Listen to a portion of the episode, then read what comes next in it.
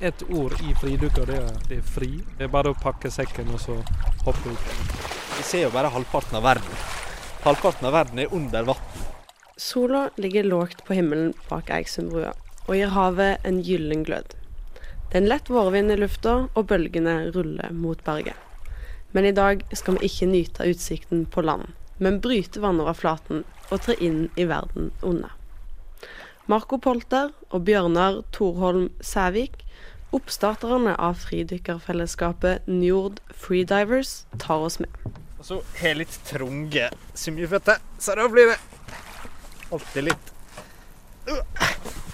Der. Tror den Bjørnar tar på seg dykkermaska og fester blybeltet rundt livet. Og da én, to, tre.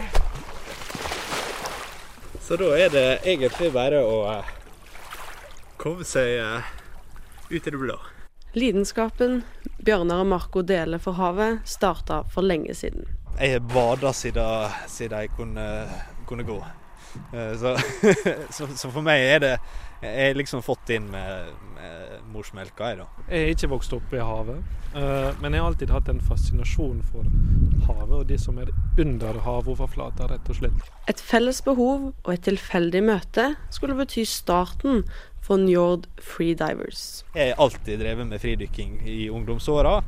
Uten at jeg på en måte har kunnet drevet med det veldig organisert. Det har liksom vært begrensa hvor mye jeg har turt å, å pushe grensene. Fordi at jeg har ikke hatt noen som kan dykke ned med meg. Hadde, satt jeg på sofaen en gang og eh, så ut vinduet og så på havet. Og da gikk jeg inn på frivannsliv.no og bestilte etterpå fridykkerutstyr, men hadde ingen å dykke med. Eh, Men så møtte jeg Marco. Det var i 2020 vi, vi møttes for første gang på dykketur. Så vi har, jeg har aldri møtt Marco før vi dykka i lag. Og da begynte vårt eventyr. Det som en gang bare var to dykkere, har nå blitt en kjerne på fire-fem som ofte dykker sammen.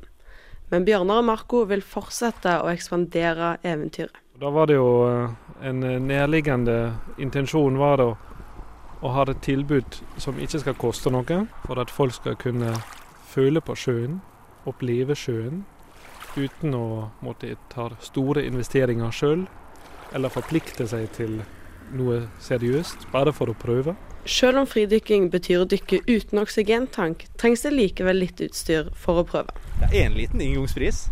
Kjøp seg. Det kan bli noen tusenlapper. Og, og ikke alle sammen er klart for å ta denne investeringa. Derfor ønsker Bjørnar og Marco å skaffe et utstyrslager, slik at alle som vil kan få muligheten til å oppleve havet helt gratis. Allerede har de noen sponsorer, og nå har de òg fått 30 000 kroner i støtte av Sparebank1. Banksjef i Søre Sunnmøre, Henning Karlsen, er ikke i tvil om hva han syns om dette. Vi syns dette er et fantastisk eh, tiltak. eh, For det, det, kan jo gjøre at eh, flere folk på Søre Sunnmøre kan få, få se det fantastiske som er under havoverflata her ute. Eh, Det er nå en av de vakreste plassene i hele verden å dykke, sier de. Til og med banksjefen da får jeg muligheter. Nytt utstyr til Utstyrsparken har nettopp ankommet. Og nå kommer òg Bjørnar tilbake fra kveldsstykket og tar av seg våtdrakten. I dag hadde vi sikt på maks to meter. Eh, Men på en, på en fin vintersdag så kan du ha sikt på 20-15 meter. Sola går ned bak de spisse fjelltoppene, mens Bjørnar og Marco pakker sammen utstyret. De håper flere vil utforske havet som omgir oss her på Søre Sunnmøre. Vi skal gjøre havet tilgjengelig for alle. Havet det er en del av vår folkesjel. Og hvordan skal vi komme i kontakt med den folkesjela? Ja, da må vi hoppe uti.